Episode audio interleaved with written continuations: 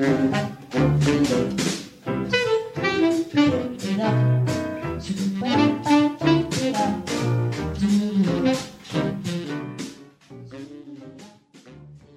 boer op.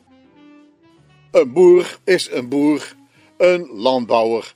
Daar hebben we echt geen woordenboek bij nodig. Maar, maar, maar wacht eens even. Een boer die bouwt toch geen land? Hij verbouwt en bebouwt het land en dat is toch wel iets heel anders.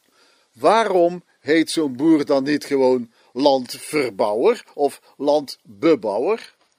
Ja, maar naast die bebouwende boer vinden we toch ook nog een totaal andere betekenis van het woord boer.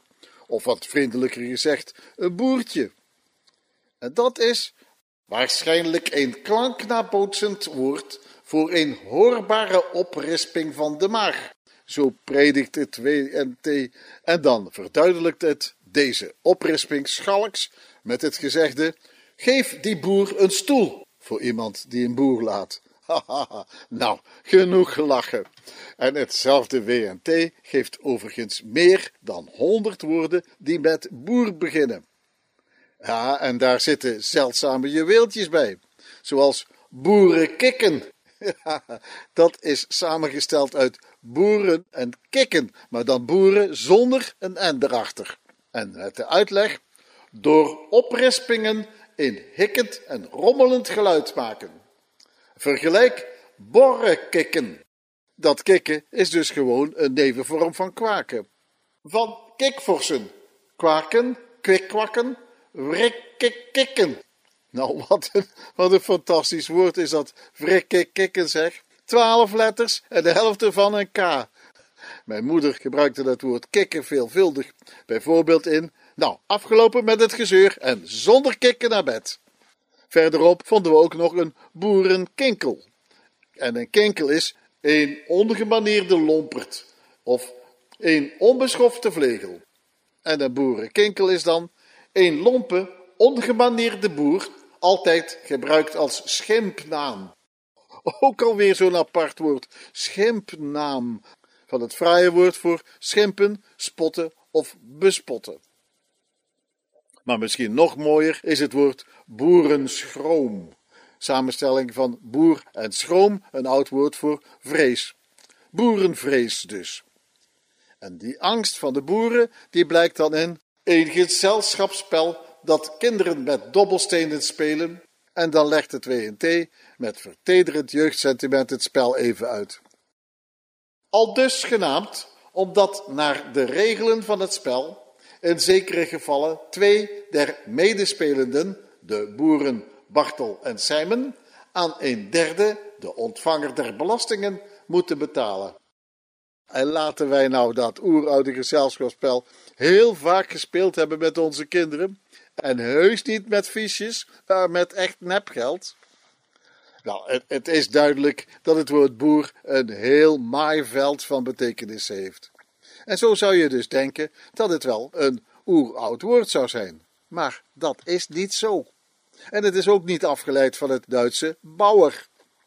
Ons woord boer is pas rond 1500 voor het eerst aangetroffen in de betekenis van landbouwer.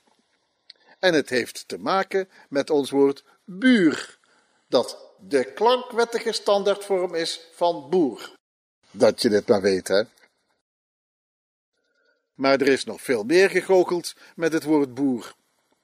En dat vinden we terug in het onvolprezen etymologisch woordenboek. Het woord boer kreeg langzamerhand een negatieve betekenis. De stedelingen zagen dat de plattelanders bij elkaar in de buurt woonden en dus buren waren. En buren werd boeren en vandaar die betekenisontwikkeling. Van die buurt vol buurtende boeren kwamen ook allerlei boeren langs de deur. De groenteboer, de melkboer en op die manier kwamen we ook nog aan de, de turfboer, de kolenboer en zelfs de visboer. En het woord boer werd bovendien vaak in negatieve zin gebruikt als tegenovergestelde van neutralere termen, zoals bijvoorbeeld landman of veldman. Nou, zo'n prachtige woordenschuiverij is natuurlijk een kolfje naar de hand van de zogenaamde professor, dokter, meester, ingenieur, doctorandus, plezierdichter Driek van Wissen. Ja, want wat kwam ik tegen in zijn groot verkeerde woordenboek der Nederlandse taal? Jazeker, het woord boerenbedrog. En hier treed ik graag een stapje terug en laat professor Driek zelf aan het woord. Hier komt hij. Boerenbedrog. Uit het woord boerenbedrog spreekt een negatieve waardering voor de boer aan zich.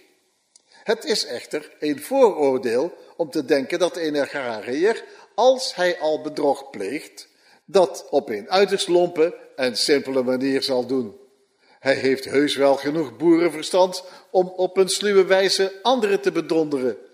Het gesjoemel met de melkquota en de bestoverschotten bewijzen het afdoende. Tja, en Van Wissen presenteert dus de correcte betekenis van boerenbedrog als botterikbedrog. En op dezelfde manier tovert hij de woorden boerenleverworst om tot ambachtelijke leverworst en boerenlul voor het simpele penis. En het meest langwekkende hoogtepunt van zijn zogenaamde taalverbetering is zijn voorstel om de toiletbril voortaan een toiletmonocle te noemen. ja. en, en wat is nou de moraal van mijn boerenverhaal? Heel simpel. Onze woorden zijn voortdurend blootgesteld aan allerlei veranderingen in woord en betekenis. Wat vandaag nog fatsoenlijk klinkt, is morgen verfoeilijk. En meestal niet andersom. En uh, met deze taalles kunnen we allemaal uh, de boer op. Ik dank u wel.